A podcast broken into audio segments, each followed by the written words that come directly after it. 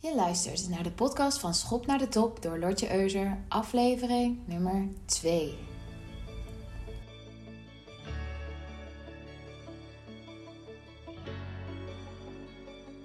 Hi lieve mensen, hoe gaat het vandaag? Bij mij gaat het heel goed. Het is nog onwijs vroeg, maar ik had er zoveel zin in om deze podcast op te nemen dat ik hier nu toch allemaal helemaal klaar zit. Vandaag ga ik het hebben over een onderwerp dat niet zo sprankelend klinkt, maar wel heel belangrijk is, namelijk tijdmanagement. En ik weet dat velen van jullie hier op dagelijkse basis mee dealen. Dus ik ga proberen er wel een sprankelende podcast over te maken. En hopelijk kan ik velen van jullie inspireren om een paar van de tips die ik je ga meegeven toe te passen in je dagelijks leven. Want mijn missie is om vrouwen naar de top te helpen. En goed tijdmanagement is hier echt een essentieel onderdeel van. Als allereerst, wat bedoel ik eigenlijk met tijdsmanagement? Ik doe dan op je tijd optimaal indelen, het managen van de tijd die je hebt voor de belangrijke dingen die je gedurende de dag moet doen. En daarbij hoort ook bepalen wat belangrijk is op een dag en prioriteiten stellen.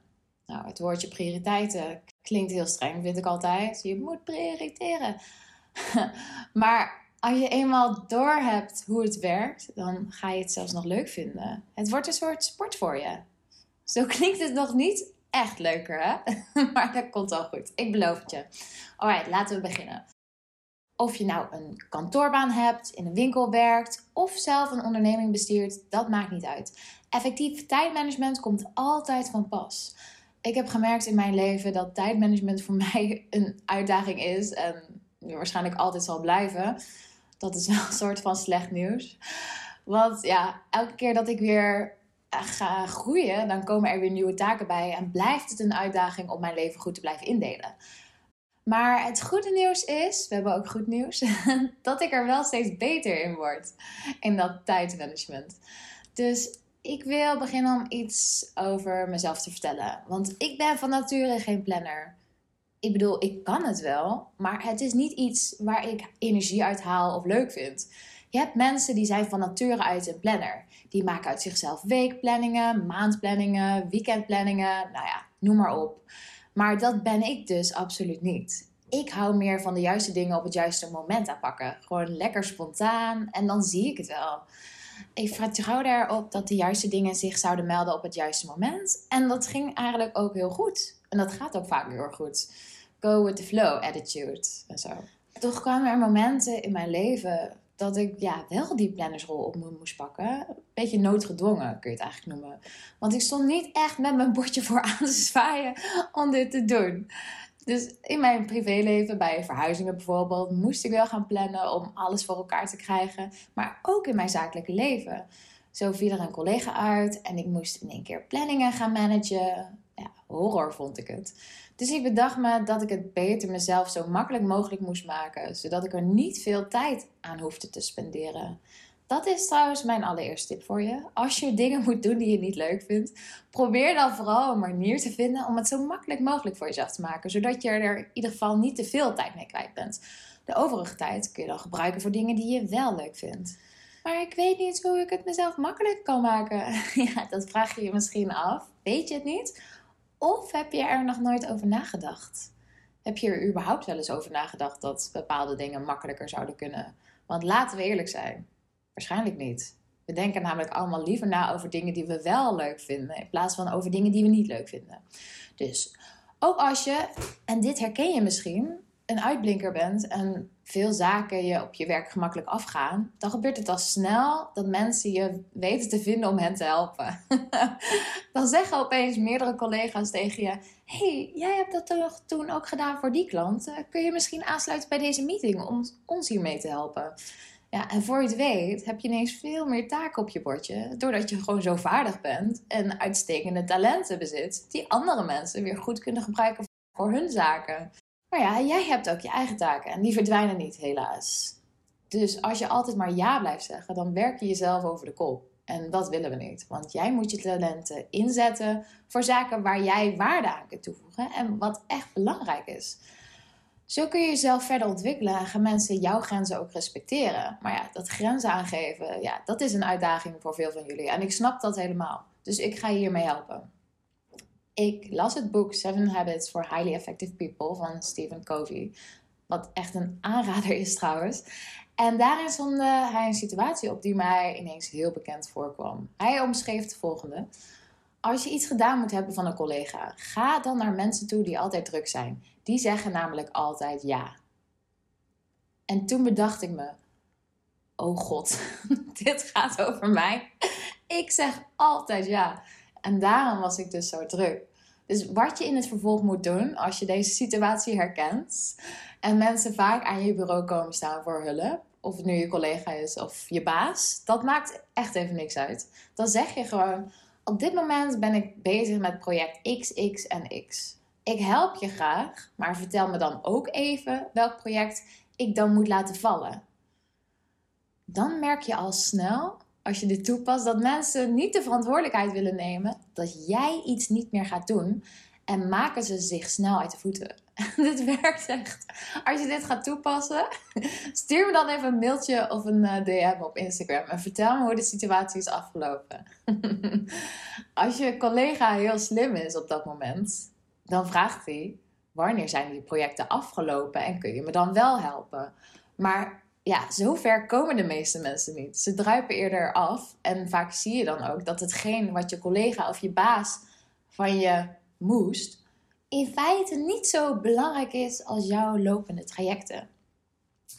Dus hier komen we aan bij het volgende wat, wat ik je wil meegeven. Weet wat belangrijk is en wat niet. Maar ja, hoe bepaal je dat dan? Hè? Want soms lijkt alles enorm belangrijk. Nou, er is een handige matrix die je hierbij kan helpen, de Eisenhower matrix. Ik heb die ooit van een collega gehad. En die heeft mij echt enorm geholpen bij mijn werk en heeft gezorgd voor bovendien veel minder stress. Dus win-win op het gebied van tijdmanagement. Hij heeft vier vlakken. En als je niet heel visueel bent ingesteld, dan zou je hem even kunnen googlen. Maar hij heeft dus vier vlakken. De eerste gaat over dringende zaken die ook belangrijk zijn. Dat zijn dus de SOS-situaties, de crisissituaties, dingen die je niet kunt laten liggen. Ze moeten nu gebeuren.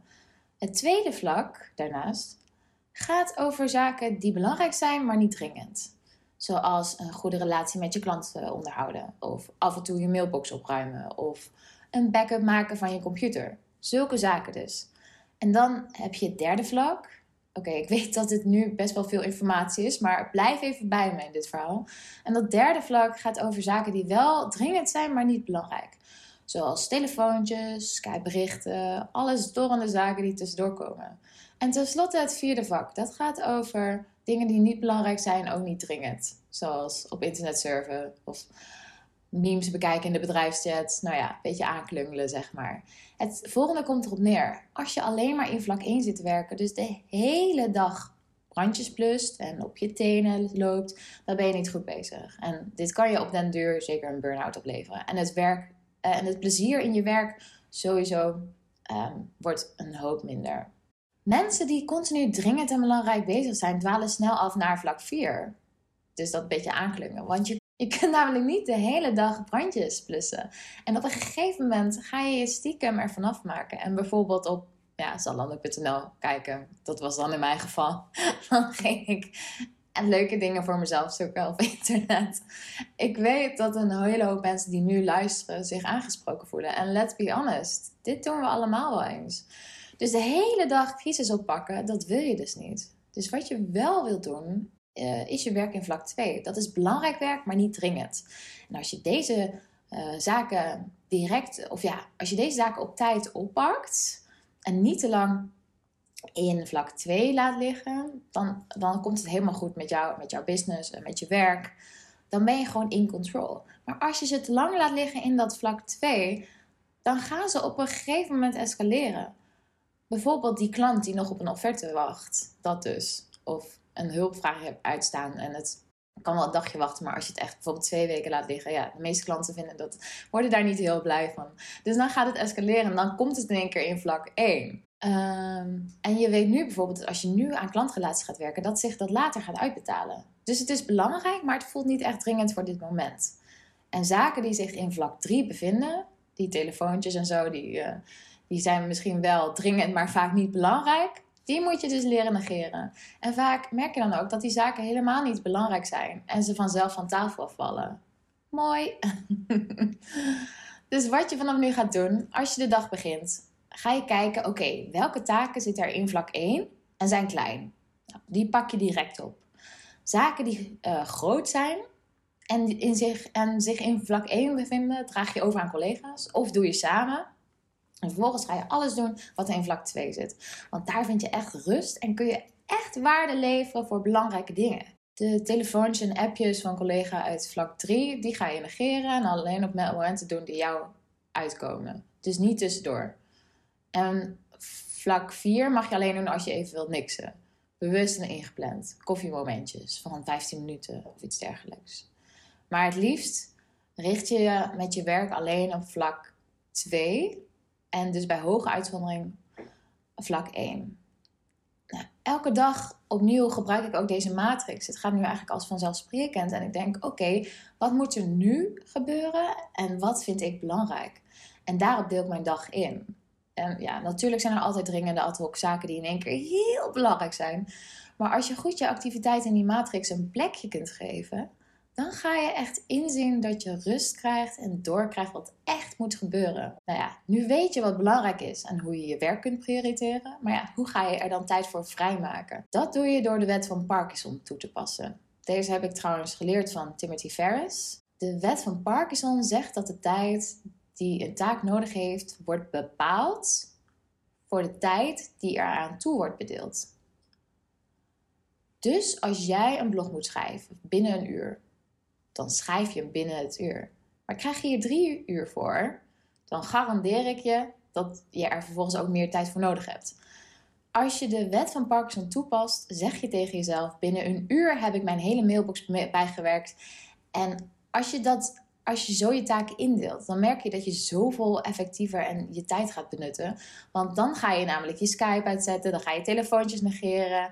En dan heb je zo die mailbox van uh, ja, naar nul terug in 60 minuten.